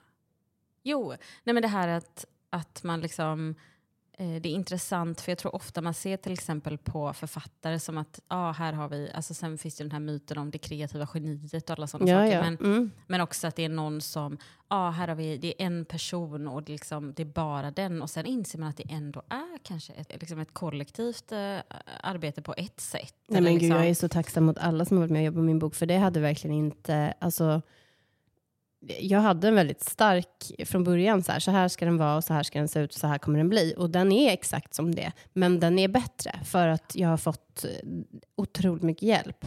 Och det känns ju väldigt hoppfullt nu också inför mitt liksom, nya projekt, att jag vet att liksom, öppna upp det är svaret. Och det är ju väldigt, väldigt skönt. Men jag är så nyfiken på din bok nu, håller Ja, på ska- sprängas.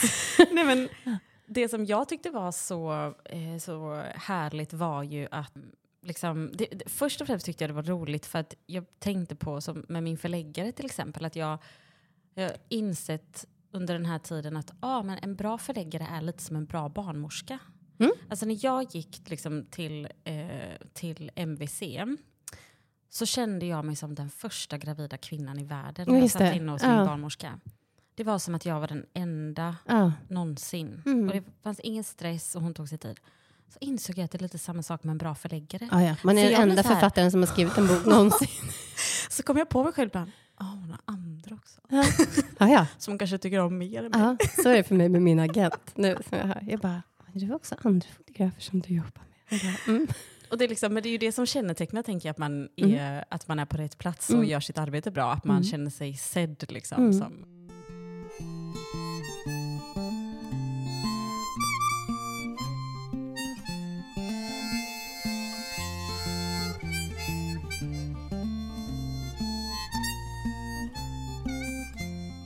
En sak som jag har tänkt väldigt mycket på är ju liksom själva den här grejen att göra någonting överhuvudtaget.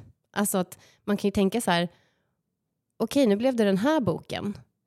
Alltså när, när min bok kom ut då för några år sedan så var det ju några eh, skribenter i Aftonbladet som hade någon liten god så här, eh, liksom, de var ute och skrev liksom krönikor om att det hade kommit så många moderskapsskildringar och att de var så gnälliga. Liksom, vi var så himla, himla gnälliga. och då pratade de om min bok och så pratade de om Emma Bovin som kom ut med en bok samtidigt som mig som handlar om att hennes dotter föddes med ett hjärtfel. Och sen så pratade de jättemycket om den här eh, amningsrummet som Caroline Ja, Ringskog ja, förödande har skrivit. Då, som de buntade liksom ihop våra böcker och serier och så här. Och så liksom, åh, de här böckerna är så gnälliga, vem vill läsa om de här medelklasskvinnorna som är så gnälliga? Det borde vara en historia om en mamma som är på flykt istället. Och det är ju liksom Alltså det är ju verkligen relevant, absolut. Men då får man ju läsa en bok som handlar om det. Alltså för kan, man kan ju inte ta en bok som handlar om en medelklassmamma som skildrar hur det är. Alltså man kan ju kritisera att det är de böckerna som får ges ut. Men man kan ju inte skildra, kritisera liksom berättelsen kanske för att den är precis vad den utger sig för att vara. Och, och ah, med risk för att låta liksom som en gnällig eller före författare nu så tänker jag att jag tror inte att folk förstår hur svårt det är att producera ett verk överhuvudtaget och ge ifrån sig det. Alltså hur det ens är möjligt i den här liksom, klimatet som vi har också med all den liksom, kritik som man får ta emot på sociala medier, till exempel bara man säger någonting, alltså ett påstående överhuvudtaget. Liksom. Om jag säger så här, men jag tycker att det är vettigt med hemförlossningar så liksom håller ju folk på att avlida i mina kommentarer. Liksom så. Eller om jag skulle säga att så här, jag tycker absolut inte att man ska föda hemma, då skulle ju folk bli vansinniga då också. Alltså man kan inte, liksom, det, du kan inte ha en ås, eller en ås, du kan inte ha ett påstående liksom komma med det utan att det ska liksom ransakas ner i minsta och också tolkas för någonting helt annat än vad det är. Och den ansträngningen att som kreatör bestämma sig för att det här är mitt verk, det här är kontentan, grunden och nu ska det ut och flyga. Alltså det... Jag tänkte när jag skrev min förra bok så här, jag, jag ska aldrig mer, aldrig mer göra om det här. Och eh, exakt där är jag nu också, när jag håller på med min nya bok. Jag tänkte så här, jag ska, var, varför gör jag det här nu? Jag kom, ju, jag kom ju på att jag aldrig mer skulle göra det här. Det finns verkligen en anledning till varför jag aldrig mer skulle göra det här. För det här är så fruktansvärt. För att jag har som prestationsångest och jag tänker på hur folk ska tolka det här och hur missnöjda alla kommer bli och hur kränkta alla kommer bli över att just deras upplevelse inte är skildrad exakt som de upplevde det eller eh, att jag inte har skildrat alla andras upplevelser exakt som det borde skildrats eller jag har inte uppmärksammat de här minoriteterna tillräckligt eller jag har liksom inte så att jag, när jag är på den mörka platsen kan jag ju tänka nej men det är ju lika bra att jag bara skiter i projektet överhuvudtaget. Ja, varför gör man något? Varför ska man göra något alls? För det, Överhuvudtaget ja. nej, men alltså, ja. Alla de där känslorna i vad... Att överhuvudtaget också typ ge sig själv tillåtelse att göra något. Att ens börja där. Alltså att så här, okej men vem är jag? Alltså Ja. exakt där. Ja, vem är jag? Eh, liksom, eh, jag har typ alla förutsättningar i världen. På tal om Mm. så här, eh, att en berättelse är en berättelse. Jag kan inte...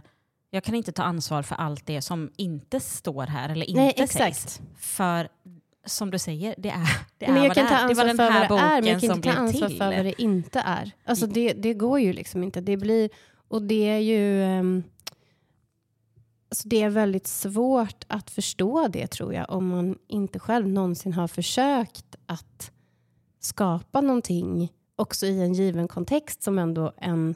Alltså ger man ut en bok liksom, som både du och jag har gjort på ett liksom förlag så finns det ju en liksom given ram egentligen för hur det går till. Mm. Alltså man jobbar på ett visst sätt, den kommer ut på ett visst sätt, den kommer ut där och då, man har den här deadlinen, det sprids på det här viset. Alltså, det är ju inte bara liksom helt fritt.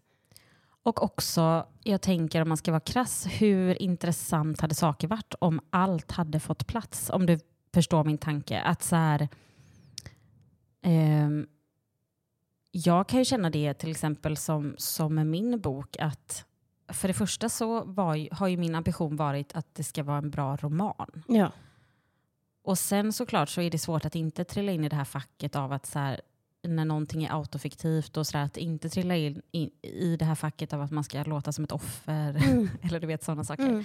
Ehm, och också att jag kan tycka de, alltså jag, de recensionerna jag fått har varit jättefina. Liksom. Det har, jag har inte blivit sågad vid fotknölarna. Nej. Och, och, men, det, men det var också någon, på tal om Aftonbladet, så var det någon, någon krönika där också. Det var, eh, det, det var, alltså jag kommer inte ihåg exakt, men det var väl typ ett Tina Hög har ju släppt eh, en bok nu precis, den danska författaren som heter Hunger. Just det, Och den, den- har jag hemma. Ja, Ja, jag ska ha eh, ett seminarium med henne på Bokmässan. ja vad kul. Eh, men jag hoppas att vi inte pratar danska. att hon inte pratar danska. Jag är så dålig på engelska. Ja. Um, jo, precis, men då vet du ju vad den handlar om. Liksom. Att um, uh, den är Uh, det är en berättelse om en kvinna och ett par som försöker få barn och den utspelar sig under nio månaders tid. Och hon har också lite så här olika djurreferenser. Jag har eh, ganska mycket djur i min bok för att det har alltid varit någonting som har liksom det är en del av mitt skrivande. Alltså det är något krampaktigt. Hur mycket, det var kul för min förläggare sa så här Ja, vi kanske får ta bort lite djur, för det var för fan djur överallt. Och ändå är det jättemycket Jag djur. gillar ju också djur. Jag har också jättemycket det är djur. jätte, jättemycket djur kvar och då har vi ändå reda, redigerat Kul. bort Jag har också mycket. djur i min bok. Ja. Men, ehm, men då, då var det i alla fall någon som skrev, och det var egentligen inte ens, det var ingen, eh, vad ska jag säga, det var inte nödvändigtvis något eh, liksom negativt eller sådär, men det var ändå ett ifrågasättande Du blev att ändå rasande. Nej, jag Ja, ska precis. tokig. Men det, var, det var någonting om så här, ja, men varför separera, om jag ska förenkla det lite, så här, varför separerar, eh,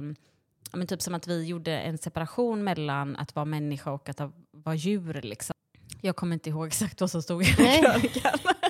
jag minns bara känslan av att det var, det var en märklig känsla att bli också synad eller ifrågasatt över något där jag bara kände, men vet du vad, jag vill bara skriva en bra litterär text. Ja. Eh, jag är väl övertygad och tror och tänker att jag är lika mycket djur. Eller liksom Ja. att människan är ett djur. Ja. Eh, Det kanske inte är samma sak, det, det, det jag tror, som jag har skrivit i min bok. nej, Nej. Och, och den där, eh, och, och hela liksom grejen över att jag har, inte, jag har inte skrivit någonting om adoption eller surrogatmödraskap i min bok. Nu i efterhand kan jag tänka sig, ja det kanske hade varit bra att ha med någon av de reflektionerna som jag faktiskt ändå hade under tiden till Mm. varför då till exempel jag själv tänker om adoption, att så här, jag tycker att det är en väldigt snårig eh, business. Mm. Jag tycker att det är alltså, allt som har framkommit de senaste åren, alla sådana saker. Men var det därför som du valde inte skriva om det också? För att du inte ville ta den Precis. diskussionen? Eh, och, och sen kan man diskutera om liksom, ja, vad är rätt eller vad är fel, men lite som du sa förut, det var den här boken som, som blev. Mm. Och det handlar ju inte om att, att jag... ehm, men det, ja, jag vet inte, det kanske också handlar om min ängslan. Att jag Det är klart man är ängslig, man är ju jätteängslig. Alltså det, det är också så här, när den är tryckt Ja. och ute, ja, då kan jag inte ta tillbaka den. nej, och, men, och det är ju en jätteansträngning att göra en sån sak. Alltså jag tänker med mitt projekt så är ju min största rädsla är ju att någon, och det var min största rädsla med min förra bok också.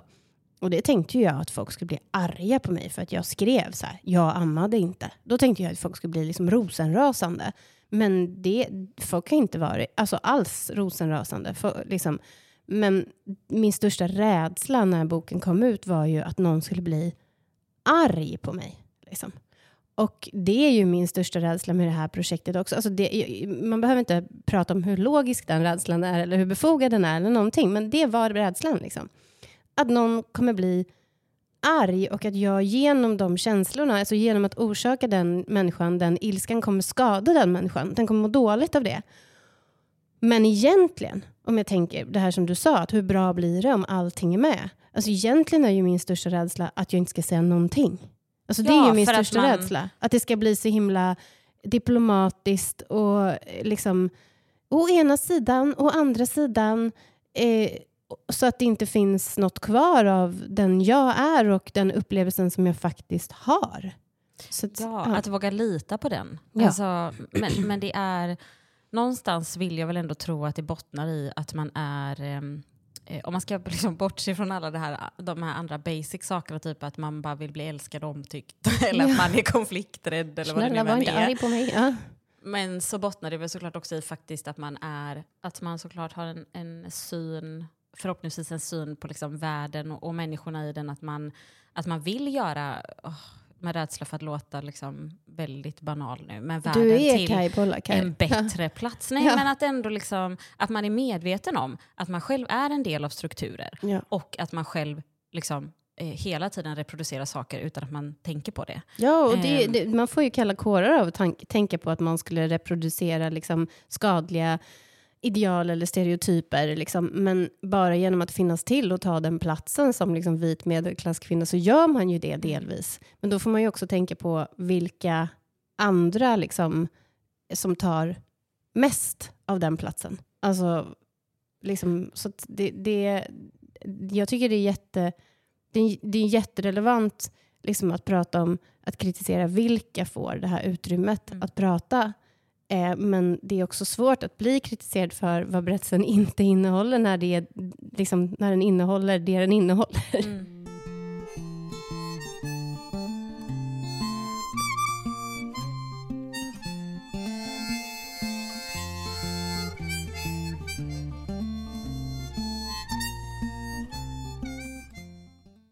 Förlåt, jag måste bara... Ja, men jag tänker så här, Jag kan hämta snart. idag, skriver min kille.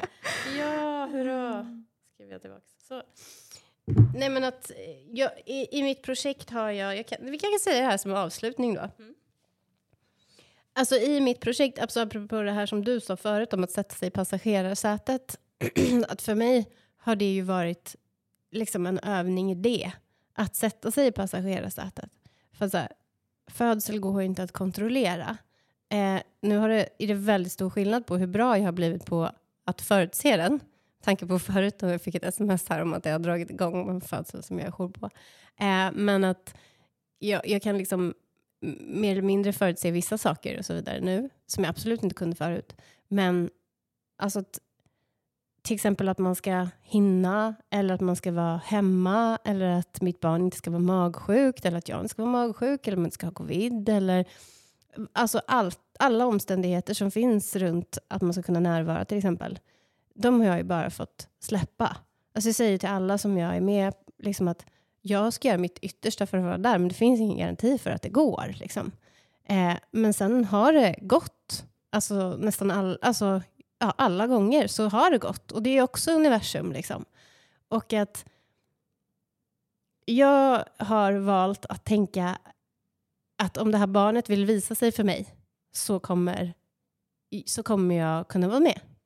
Och om det är så att jag missar det så är det för att barnet vill inte visa sig för mig. Och det har gjort det väldigt, väldigt mycket enklare för mig att approacha det här med ett större lugn. Och liksom inte en så stor stress. Helt enkelt. Um, så att jag håller verkligen med dig om att om man inte har den liksom öppenheten jag tror att det blir, jag tror att det är svårt att kanske göra ett sånt här typ av projekt i alla fall. För man skulle nog liksom dyka, duka under av någon typ av kontrollbehov om man inte liksom bara... Alltså födsel handlar så mycket om att ge upp. Och även för mig har det handlat om att ge upp. Liksom så många saker. Även föräldraskap handlar ju om att ge upp. Jag kanske bara ska vara tyst där, Ja. för att annars så... Kan vi fortsätta till... Jag har en sån träsmak i röven nu. Vet du. det var så kul för Ah. jag tänkte innan vi satte oss tänkte jag så här, vi kanske ska byta stol. Åh gud, vilken träsmak.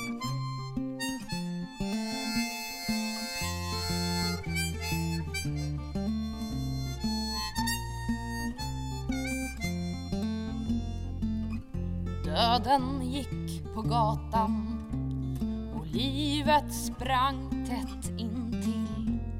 De följdes in vid rälsen då lärkan sjöng en drill. Varför följer du i mina fotspår och sjunger min melodi?